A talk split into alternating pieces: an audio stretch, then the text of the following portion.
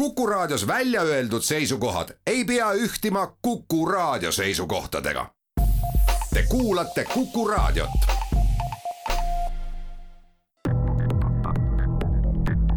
krimiraadio, Krimiraadio. tere, tere, eetris on taas Krimiraadio ja saatejuht Raul Ranne. teemaks on täna narkokuritegevus ja narkokuritegude rasked tagajärjed miks on jõuliselt kasvanud üledooside surm Eestis, mis põhjusel on Eesti noored uimastite tarvitamise osas Euroopa esirinnas? kuidas peatada eluohtlikke aineid levitavad ähm, organiseeritud kuritegelikud grupeeringud? ja kuidas hoida no, meie noored tapvatest ainetest eemal? Neile ja paljudele teistele teemakohastele küsimustele vastab Politsei- ja Piirivalveameti Põhja prefektuuri narko- ja organiseeritud kuritegude talituse juht Rait Pikaro, tervitus! tere! Rait Pikaro, öelge, kui tavaline on politsei igapäevases töös see, et väljakutsele minnes, olgu see siis äh, keegi ebaadekvaatne autojuht või psühhoosis inimesed või mingisugused lähisuhtevägivalla juhtumid, et äh, asjasse on segatud narkootilised ained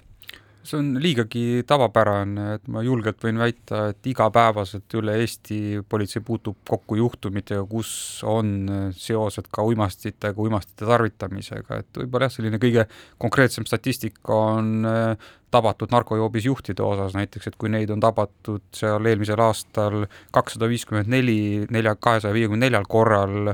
et see on võib-olla langustrendis võrreldes eelmiste aastate, aastatega, juba see iseenesest näitab, et olgu mõned juhid, mõned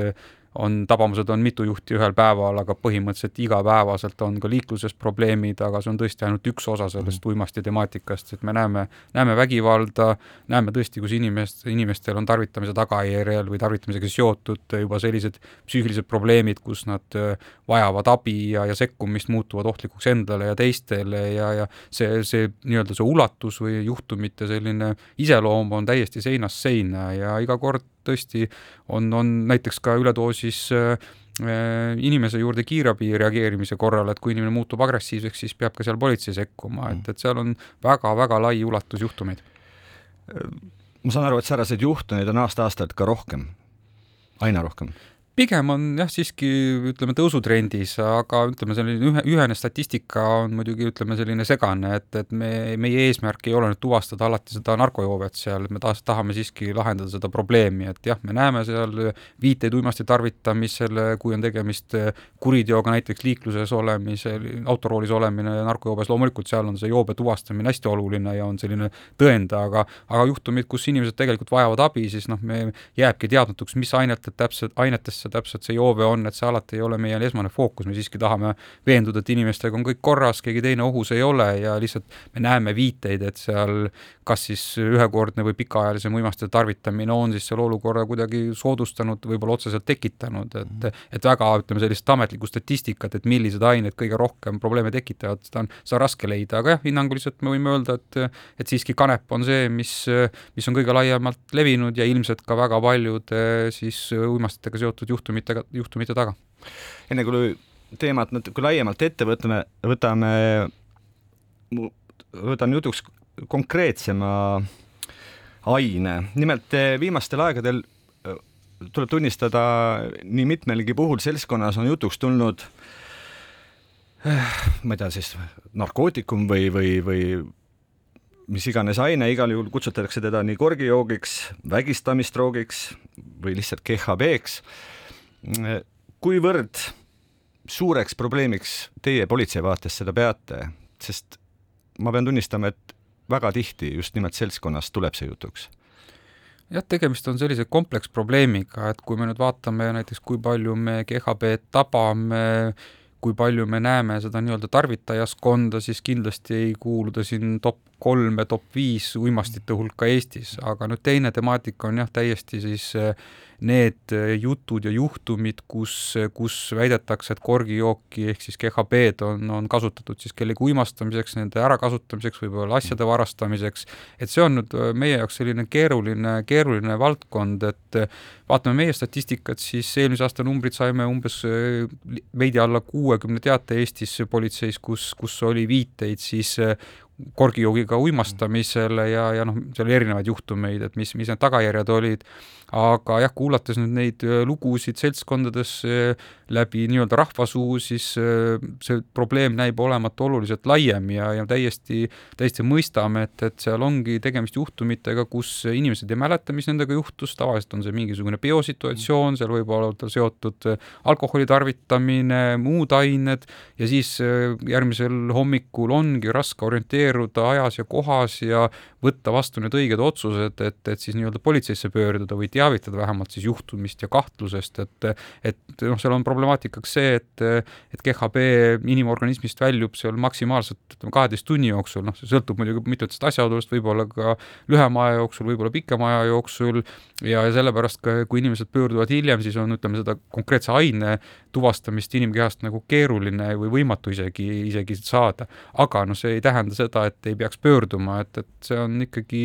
ka on võimalik koguda muid tõendeid, et mis siis tegelikult juhtus ja inimese jaoks on väga oluline aru saada, et mis siis, mis siis, mis siis toimus ja ja kas on, on toimunud, toimunud mõni kuritegu või mis temaga tehti, et et noh, see, see aine tuvastamine on ainult üks moodus sellest, et ma seda tahaks rõhutada, et isegi kui ei, ei ole kindel, et, et mis juhtus eelmisel õhtul, siis, siis tasub ikkagi politsei poole pöörduda, aga aga vaieldamatult need juhtumid äh, jäävad kõlama, need ringlevad seltskondades, need jõuavad ka meieni ja alati me tahame teada seda nii-öelda seda nii-öelda, mis juhtus, millal juhtus ja isegi kui sellest on aega möödas, siis sellest tasub rääkida ja otse politseile. Kui ma loen ajalehtedest äh, lugusid, kus äh, tütarlapsed või naisterahvad räägivad sellest, kuidas nad äh, peol, peol mingil hetkel kaotasid, eks ole, igasuguse tunnetuse ja siis ärkasid hommikul mm, ma ei tea, sageli riietes, võõras kohas, teinekord ka seksuaalselt ärakasutamisjälgedega või siis meestest, kes on samamoodi kaotanud mingil hetkel pildi eest ja avastanud millalgi kuskil ennast lösutamas ilma väär, väärisasjades, mul jääb mulje,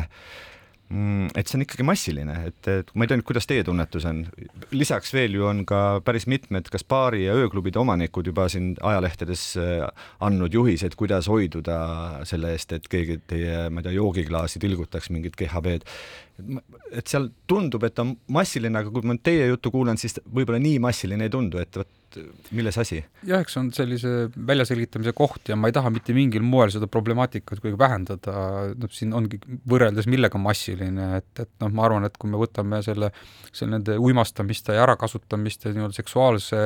seksuaalse ütleme, tooni või alatooni ja selle temaatika, siis on arusaadav, et, et nende juhtumitest politseis teatamine on madal, et, et see on, see on selge, inimestel on häbitunne, inimestel on, on mured, nad tahavad, ütleme, nende fookus fookus ei ole sellel, et, et nii-öelda siis õiguskaitseorganitega asju hakata ajama, seda uuesti läbi elada, et noh, see, noh, ma võrdleksin seda, seda nii-öelda, seda latentsust või seda peidetud osa samamoodi sellise seksuaalvägivallaga ja seksuaalkuritegudega, kus, kus teatamine on madal, et noh, täiesti mõistetavatel põhjustel, aga aga noh, see, see ongi see, et, et ega väga politseil on, on keeruline leida neid inimesi, kui nad ise ei pöördu, et, et me noh, anname kõik endast, et ka ise, kui meie saame teadlikuks, et et on viiteid või seltskonnas ühiskonnas on, on jutte või keegi ütleb, et võis midagi juhtuda, noh, me tahame seda algallikat leida, tahame täpsustada, tahame abi pakkuda, tahame uurida neid asju ja, ja noh, see menetluse edukus, noh, mul hästi kurb on kuulda, et, et nagu peale on jäänud nagu selge, selge sõnum, et, et ei ole mõtet pöörduda või et, et politsei ei suuda midagi teha, me saame uurida, me ei saa garanteerida tulemust, aga kui me ei proovi, siis me kindlasti ei saavuta selle kurjategija, kurjategija kinnipidamist, me ei suuda su saavuta temaga, tema süüdimõistmist, mõistmist ja, ja noh, see, kui ta on seeriakurjategija, millised päriselu näited on olemas, siis noh, ta saab tegutseda täpselt nii kaua, kui, kui lõpuks me noh, siis suudame kõik need asjad nii-öelda klappima saada, leiame kannatanu, leiame tõendid ja lõpetame selle tegevuse. teeme siin väikese pausi, et teemat pärast pausi ette jätkata. krimiraadio, Krimiraadio. ja tõepoolest, Krimiraadio jätkab Eh, Põhja prefektuuri narko- ja organiseeritud kuritegude talituse juht Rait Pikara.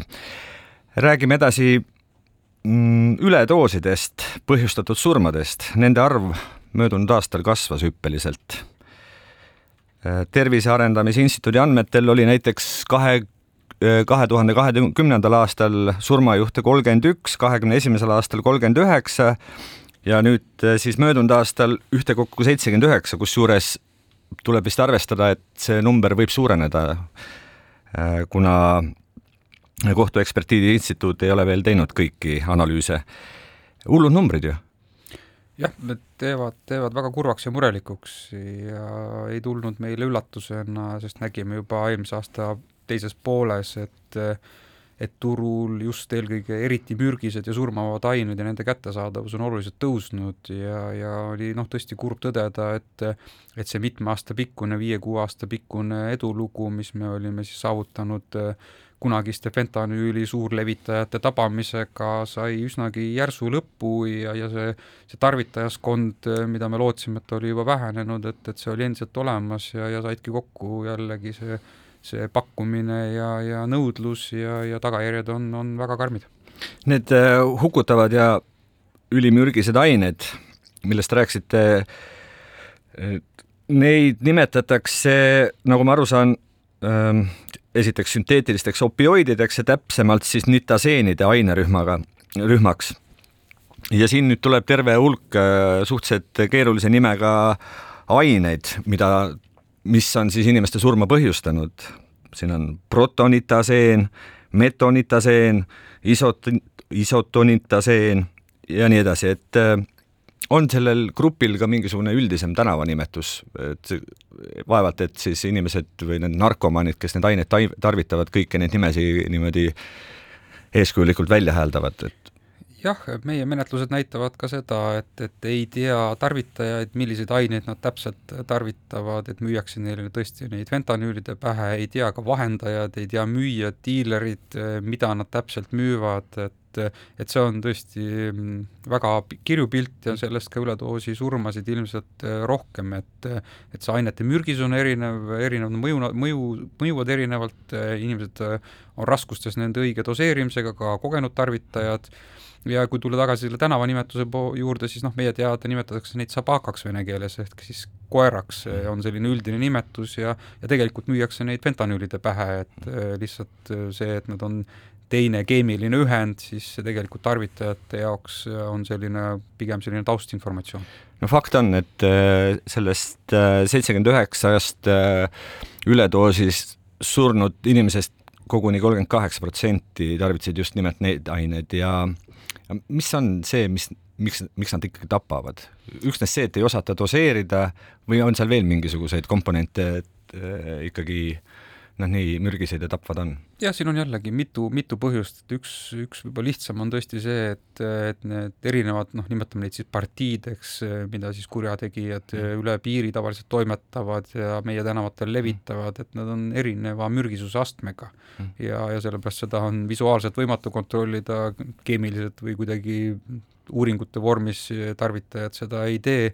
ja nii selles mõttes neil puudubki teadmine, et kui kange on see konkreetne doos, et, et selge on see, et seal ei tehta midagi apteekri täpsusega, kõik käib silma järgi ja, ja tunde järgi ja tõesti, ja teine osa on nüüd siis see, et milli, milliseid aineid siin nii-öelda ballastiks siis sinna doosidele lisatakse või kogustele lisatakse, et, et siis kuritegelikku tulu, tulu suurendada.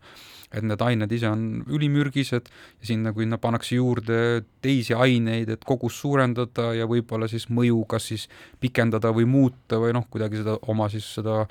kuritegelikku toodet kuidagi atraktiivsemaks muuta, siis ka need ained kujutavad endast ohtu, et kui me räägime tõesti näiteks veterinaarias kasutatavaid aineid, et noh, mis tegelikult ei ole inimeste peal kasutamiseks mõeldud, siis noh, need ained iseenesest, need ballastained, nagu nimetame, ka need iseenesest on juba ohtlikud, et, et siin on nagu väga mitmekordsed ohud. Need nii-öelda lisaained võtame hiljem jutuks. ma küsiks üle, et kust need ained üldse saabuvad Eestisse, et eh, mõnda aega oli meil justkui suures, suures plaanis plats tühi, et eh, väga ränki aineid Eesti turule ei liikunud, ühtäkki nad tulid, et kustpidi või kuidas nad üldse siia Eestisse niimoodi saabuvad, et seda enam, et me teame ju, et eh, Vene piir nüüd siin viimasel aastal on ikkagi ju jõuliselt kinni pandud, et no võib-olla jah, hakkas sellest pihta, et neid eh, ka ohtlikke fentanüülilaadseid aineid tegelikult oli pidevalt saadaval, aga nad olid tõesti, nende, nende kättesaadavus oli selline heitlik, neid oli vähe ja tõesti, tarvitajad pidid seal ümber orienteeruma kas muudele ainetele ja väga lootsime, et pöörduvad mitmed ka neist abi saamiseks, aga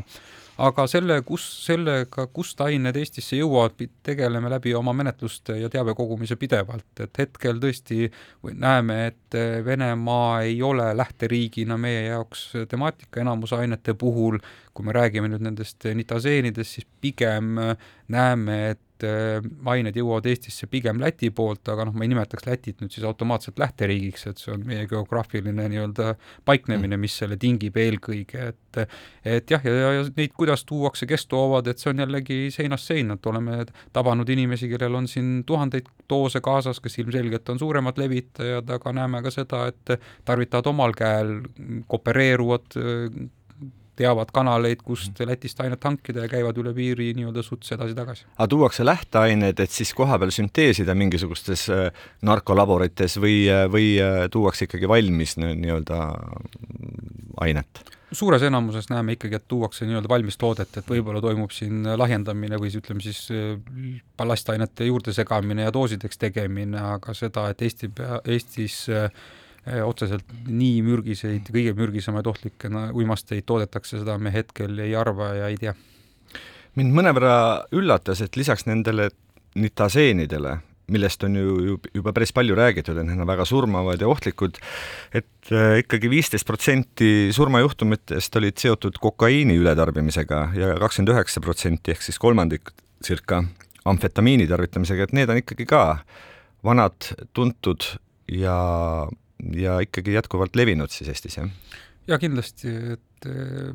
need eh, üledoosi surmad on ainult jäämäe tipp, et tegelikult kõik need amfetamiinid, kokaiin, kõik need on Eesti turul olemas ja, ja tarvitatakse ja tarvitatakse ka, ka ohtlikes ja eluohtlikes kogustes, et, et seal on kindlasti jah, problemaatika selles, et kui me võtame nii-öelda siis varasemad fentanüüli tepp, tippajad, siis, siis seal üle kaheksakümne protsendi, võib-olla isegi enam olid surmad tingitud eh, fentanüülidest, aga nüüd on tõesti see pilt kahjuks oluliselt kirjum, et, et see, see teeb, teeb murelikuks, et ilmselt on siis eh, ka amfetamiinid eh, muutunud mürgisemaks, ka kokaiini mürgisuse aste on tõusnud ja, ja see, see on nüüd andnud ka siis veel lisatõuke nende üle, üledoosi surmadele, et aga noh, selge on see, et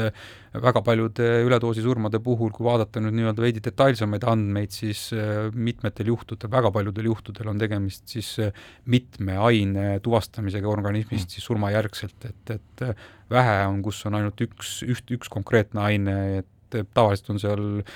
noh, ütleme, kokteil on halb nimetus, aga ütleme, selline segu ainetest ja mis nüüd täpselt surmavaks sai, see on, jääb nii-öelda alati küsimuseks. aga seda võib öelda, et viimastel aastatel kokaiini on turul rohkem, et mingil põhjusel siis äh, Ladina-Ameerika kokaiiniparunid või kuidas igas, iganes me neid kurjategijaid seal ei nimetaks, on suunanud aina suuremaid äh, nii-öelda koguseid Euroopa turule ja neid siis siin ka levitatakse äh, noh, ütleme laiemalt kui võib-olla varem. nii on, et see on tõesti üle-euroopaline probleem ja, ja tõesti Eesti turg selle muude suurte riikidega on võib-olla vähene ja meieni jõudis selle kokaiinilaine või järsk tõus tegelikult ikkagi hiljem, kui, kui ta mitmes, mitmes teise ri-, mitmesse teise riiki jõudis, et me olime selles, sellest ohust teadlikud, aga sellest, sellele vaatamata jah, tõesti, me ei ole suutnud ära lõigata neid kõige olulisemaid varustusliine, et neid on ka mitmeid, et kuidas kokaiin Eestisse jõuab, et see on tõesti on see nii-öelda salakaubana kaubavedude varjus, inimesed ise toovad, on see postipakk, et, et neid, neid liine on väga mitmeid ja, ja tõesti, see on osa sellisest ülemaailmsest trendist, et, et mehi, noh, Ladina-Ameerika kartellid on oma, oma kokaiinivood siis Euroopasse suunanud. üks äh, ma ei tea, kas see on fakt või lihtsalt jutt, aga räägitakse üha, et või noored äh, noh, ütleme siis teismelised on aina sagedamini pöördunud nii-öelda retseptiravimite poole, et noh, need klassikalised narkootikumid, mida me oleme siin nüüd nimetanud, et ne-, need jäävad justkui neist kõrvale kui mingisugune vanamoodne kraam, aga, aga tabletid ja muud droogid, mida saab apteegist, eh, neid tarvitatakse üha rohkem, on see tõsi? Jah, nende niinimetatud retseptiravimite ilma arsti ettekirjutuse, kirjutuseta tarvitamine on vaieldamatult probleem, et tegelikult seda kinnitas ka siin mitme aasta taha jääv juba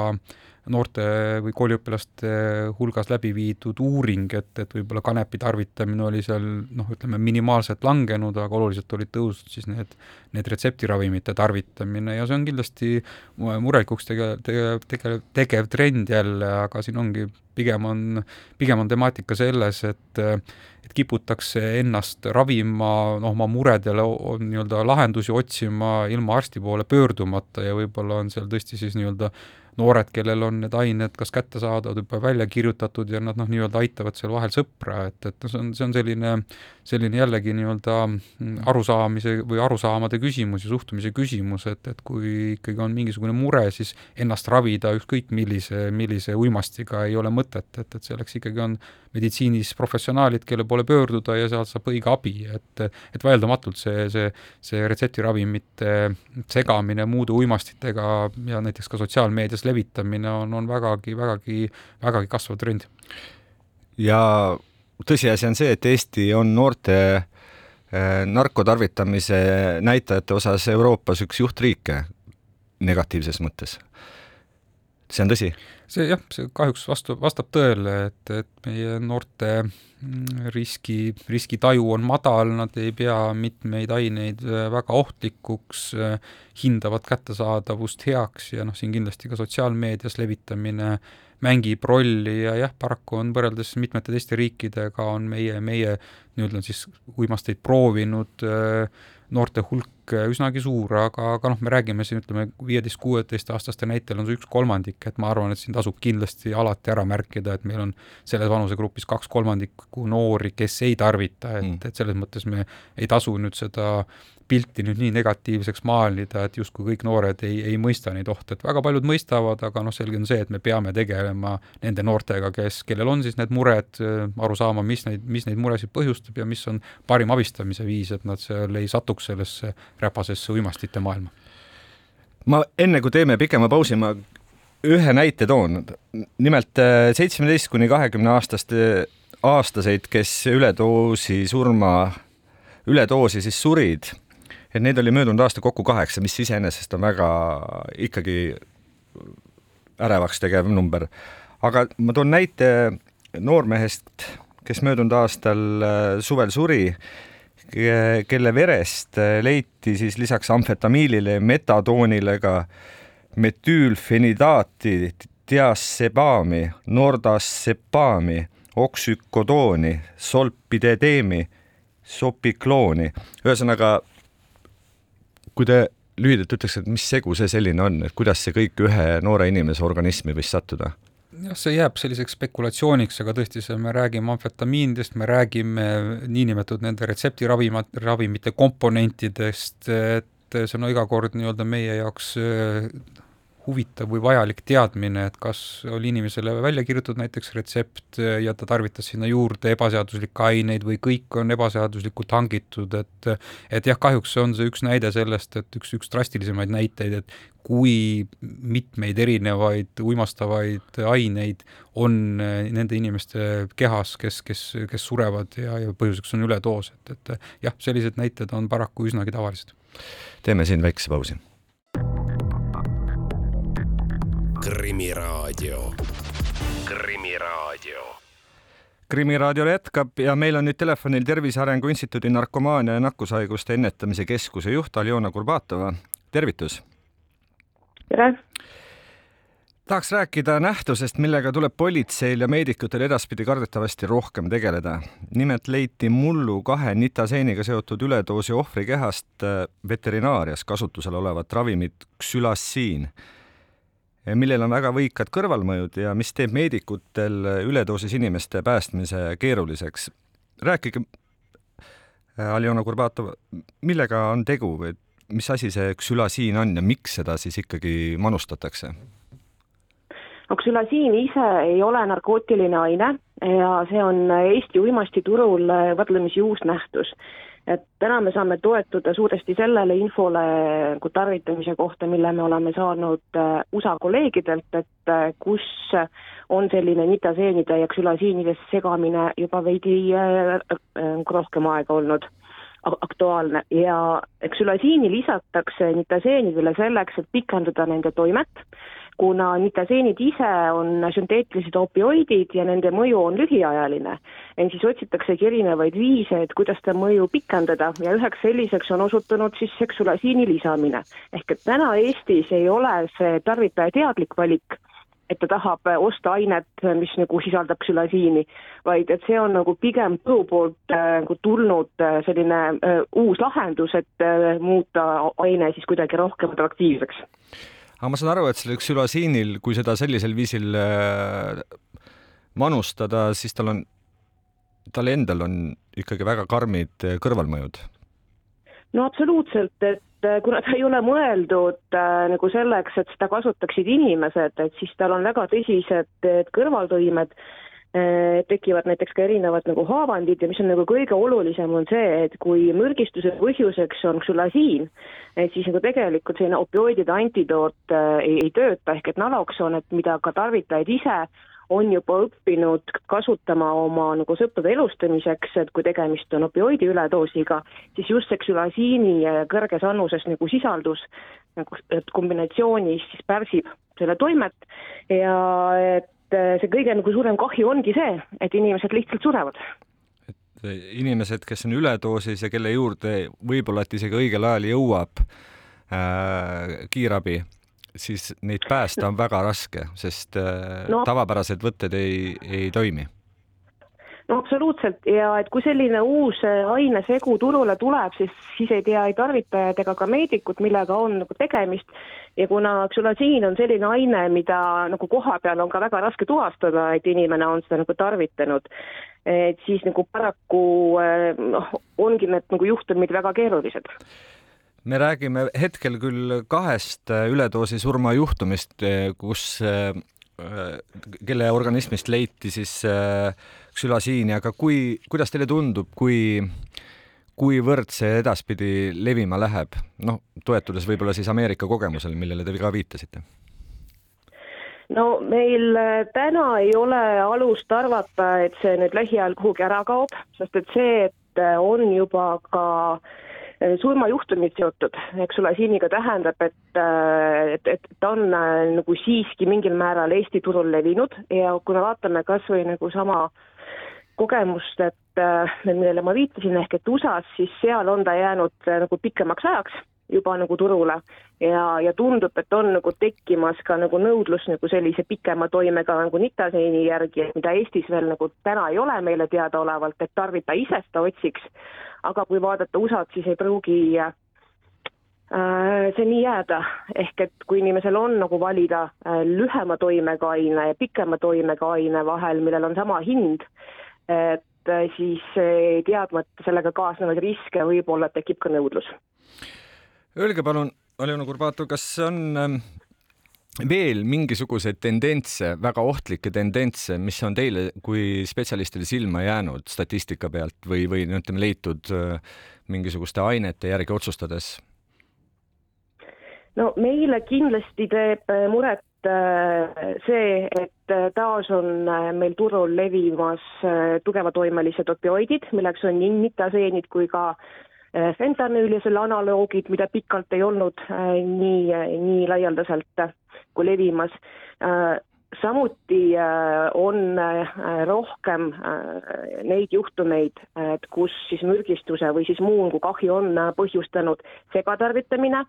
ja me ei räägi ühe või kahe aine äh, tarvitamisest siis lühikese ajaperioodi jooksul, vaid me räägime seitsme kuni kaheksa aine nagu tarvitamisest, et sealhulgas ka legaalsed nagu alkohol või nagu ravimid,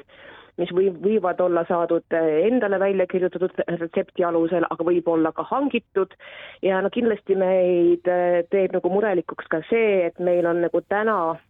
mm, odavam ja kangem kokaiin. et äh, meil ei ole enam ainult üks selline aine või äh, ainegrupp, mis põhjustab nagu probleeme, nagu tõsiseid probleeme, vaid et meil on nagu mitmeid erinevaid, ehk et äh, ka, ka vastavalt meie töö nagu kahjude vähendamise suunal peab olema suunatud väga erinevatele sihtrühmadele. et need, kes tarvitavad sünteetilisi opioide näiteks, ei ole needsamad inimesed, kes tarvitavad kokaiini. ja üks asi on ju rääkida nendest ohtlikest ainetest kõikjal, kus vähegi võimalik rääkida rääkida tagajärgedest, järg-, rääkida väga ohtlikest kõrvalmõjudest ja, ja toimetest, aga ja teiselt poolt ka politsei ju teeb tööd ja peab inimesi, kes müüvad ja levitavad äh, surmavaid aineid, peab kinni ja, ja karista- ja viib, eks ole, kohtu ette ja kõik seda ju tehakse, aga ometigi numbrid on justkui tõusutrendis, et äh, mida teie arvates teha, et inimesed, eriti noored, saaksid aru, et kui, kui äh, karmile teele nad minemas on, kui siin juba pruugitakse nii, nii selliseid eh, rohkelt, eh, rohkeid segusi, rohkete koostisainetega segusi, et mida veel teha? et asjad nii ei läheks no, edasi? ja no siin on nagu küsimus, et kas see, mida me täna teinud oleme, on olnud piisavas mahus. kindlasti peab olema meil ennetustegevus et õnneks me oleme siin Eestis juba käitumas äh, tõenduspõhisemalt, et et me teame, et, et noortele selliste emotsionaalsete, sotsiaalsete oskuste andmine ja nagu kriitilise mõtlemise arendamine äh, on see, mis on nagu kaitseteguriks, et äh, igast ainest eraldi noorte rääk-, nagu noortele rääkimine kindlasti ei ole see, mis meile tulemuse annab, sest me näeme, et kui kiiresti muutub narkoturg nagu kohaneb. ehk et ühelt poolt on ennetus, aga kindlasti ka see, et me eakohaselt nagu suudame anda äh, infot riskide maandamise kohta, sest et paraku me peame arvestama sellega, et me kunagi ei jõua seisu, kus mitte ükski inimene ei nagu tarvita. Ja nagu siin siis me peamegi rääkima sellest, et nagu tarvitamine ei ole kunagi täiesti ohutu, et aga noh, kui ikkagi inimene mingil põhjusel on selles olukorras, et mis siis on siis need äh, nipid, ütleme siis nii, et mille abil ta selle olukorra võimalikult äh, väikse kahjuga üle elaks, sest et äh, äh, noh, käitumist on võimalik muuta, et lihtsalt inimene peab aru saama, et miks see talle kasulik on ja no kindlasti erinevad kahjude vähendamise teenused,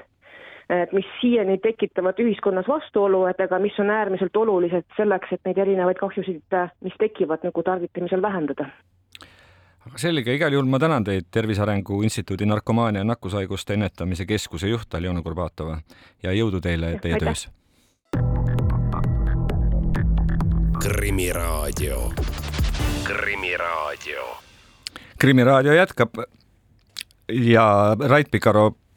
räägime narkokuritegevuse vastase võitluse töövõitudest ka, et just jaanuarikuus andis politsei ju teada Eesti ja Soome kriminaalpolitseinike paljastatud kuritegelikust võrgustikust, mille liikmed tegelesidki just nimelt narkootiliste ainete salakaubaveoga Hispaaniast läbi Eesti ja Soome mm, ja siin, siin ka nende levitamisega, et äh, kui keeruline on ühte sellist võrgustikku tabada või kui pika aja peale selline noh, lõppkokkuvõttes selline töövõit üldse saavutada on võimalik? Need juhtumid on põnevad ja erinevad, et see konkreetne juhtum õnnestus siin Eestis, Eesti pool nii-öelda lahendada umbes, umbes aasta jooksul, et, et mis tegelikult on selline optimaalne aeg, et ja hästi nii-öelda õnnestunud menetlus, et siin on meil näiteid, kus kus ohtlikud kurjategijad, kuritegelikud grupid, kes on oma, oma kuritegelikud võrgustikud niimoodi välja arendanud ja ja ära peitnud äh, meie silma eest ka, et keda on tõesti mitmeid aastaid vaja, vaja jahtida ja, ja alles siis õnnestuvad, õnnestub tõendid kokku koguda, et et mida, mida enamasti tõesti, mida organiseeritum on kuri, kuritegevus, mida pikemalt on nad saanud toimetada ilma politsei poolt tabamata, seda keerulisem on, on neid gruppe lõhkuda ja, ja kohtu ette viia, et aga jah, see konkreetne näide on, on umbes aastane menetlus jäi silma, et äh, selles äh, nii-öelda selle kuritegeliku võrgustiku üheks osaks või ütleme, selliseks nähtavas, nähtavaks osaks või paljastatud osaks oli Bandidose motojõuk, mille peakorter on teatavasti Ameerika Ühendriikides, aga kellel on väga jõulised nii-öelda siirded ähm, Põhjamaades ja otsapidi ka Eestis. kuivõrd, arvestades, et teie ametinimetus on nii narko kui ka organiseeritud kuritegevuse talituse juht, et eh, kuivõrd tavaliselt ühe narko eh, kuritegevuse taga on just nimelt see organiseeritus, mingisugune jõuk, mingisugune noh, mingisugune grupeering? Ütleme niimoodi, et kui me räägime ikkagi suurtes mahtudes ja tipptasemel levitamisest, siis seal on väga paljudel juhtumis, suures enamuses on tegemist ikkagi organiseeritud kuritegevusega. jah, mõnevõrra on pilti häk-, hägustanud äh, tänapäevased tehnilised võimalused, näiteks tumeveeb ja ja, ja sellised ähm, muud kanalid, mille kaudu on võimalik siis ilma varasemaid kuritegelikke kogemusi või kontakte omamata ka tõusta selliste kogusteni, mis Eestis on ikkagi märkimisväärsed ja mida on võimalik siin siis levitada, aga kui me räägime ikka üldiselt, siis, siis nii-öelda kõikide enam levinud uimastite levitamise tipptasemel on tegemist ikkagi seotusega organiseeritud kuritegevusega. kas saab öelda ka, et, et teatud ma ei tea, linnapiirkonnad või, või üleüldse kogu Eesti kui sellise, selline või, või siis teatud äh, narkootikumide, teatud ähm, ainete levitamisel on äh, mõni grupeering nagu kontrolliv või kas selline noh, ütleme vanast ajast teada äh, tegevusalade kontrollimine, et et üks mingisugune kuritegelik grupeering kontrollib näiteks Eesti narkokaubandust, kas see on tänapäeval aktuaalne teema? Õnneks mitte, et ma arvan, et siin jah, on, on vägagi hea näide sellisest kriminaalpolitsei eduloost, et mida on siin Keskkriminaalpolitsei eestvedamisel nii-öelda seda, seda sõda, ma julgen öelda, peetud eh, aastate jooksul, et tegelikult Eestis on olukord, kus sellist ühte kontrollivat eh, gruppi või juhtfiguuri ei ole, et, et noh, teisest küljest on jällegi halb märk see, et turg on niivõrd lai, et siia mahub eh, mitmeid tegijaid ja, ja mitmeid gruppe ja nad ongi sellised, nad ei ole nii nii-öelda jäiga, nii jäiga struktuuriga, nii jäiga jaotusega, kui nad võib-olla olid varasemalt või võib-olla üheksakümnendatel, kus olid väga konkreetsed grupeeringud, et nüüd me juba mitmeid aastaid näeme sellist projektipõhist lähenemist, et eh, tehakse koostööd nende gruppidega, gruppidega isikutega, kes, kes toovad seda kuritegelikku raha sisse ja seal nii-öelda väga paljusid nii-öelda põhimõttelisi erinevusi ei ole, et, et, et kõik on selles mõttes nagu segunenud, et et sellist ühte kontrollgruppi, kontrollisikut Eestis ei ole. aga on üldiselt äh, niimoodi suurusjärgunagi äh, öeldav, kui, kui suur on Eesti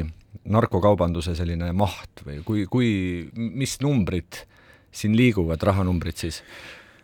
Jah, seda on nüüd keeruline tegelikult äh, üheselt hinnata, et tegelikult tegemist on musta turuga ja, ja seal puuduvad igasugused teaduslikud uuringud, et me oleme lähtunud ise siin Europoli andmetest, mis on hinnanud siin, äh, ma ütlen peast, kui ma nüüd ei eksi, äkki kolmekümnele miljardile eurole terve Euroopa musta turu, et noh, ma loodan, et ma ei eksi, aga, aga see on, ütleme, selline, selline hinnang ja noh, siin kindlasti ei saa rääkida, et võib-olla algajatel kurjategijatel kõlab see summa nagu suurena ja no see on kõik nagu justkui kuritegelik puhastulu, et pigem me räägime sellest, et, et mis, mis kulutused ainete hankimisega kaasnevad ja, ja et see kõik ei ole selline ainult tulu, et, et seal on tootmine, seal on transport ja see, mis kurjategijatel lõpuks nii-öelda siis musta kasumina kätte jääb, seda me ütleme, vähemalt Eestis näeme, et et see selline äh,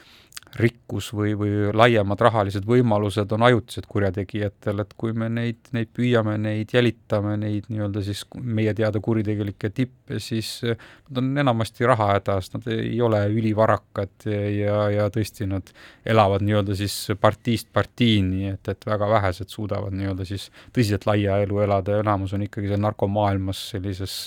peavad pidevalt ellujäämise nimel kuidagi seal nii-öelda noh, nimetame seda sebimiseks, et, et pidevalt otsivad raha ja kust järgmist, järgmist äh, kiiret raha teenida, et, et noh, võib-olla see on see, miks, miks noored ei peaks sinna maailma astuma, et see kõik see nii-öelda rikaste narkoparu, parunite äh, lai elustiil, et see jääb tõesti sinna folkloori valdkonda. Ühelt poolt ma tean, et te olete ka väga, väga usinalt äh, sõelumas sotsiaalmeedia gruppides, kus kas vihjete või, või ütleme, eeldatavalt võiks olla ka, võiks käia ka narkokauplemine, et ja ma tean, et olete ka nii, nii, nii mõnegi grupp, grupi ja isiku vahele võtnud või maha jooksnud, nagu öeldakse. aga öelge ikkagi teie, mis, mis veel tuleks teha, et seda ohjata, et meie Eesti noored ei oleks Euroopas esirinnas äh, narkotarbijad ja et see tendents mis puudutab üledoosi surmasid, oleks nüüd edaspidi ikkagi langustrendis?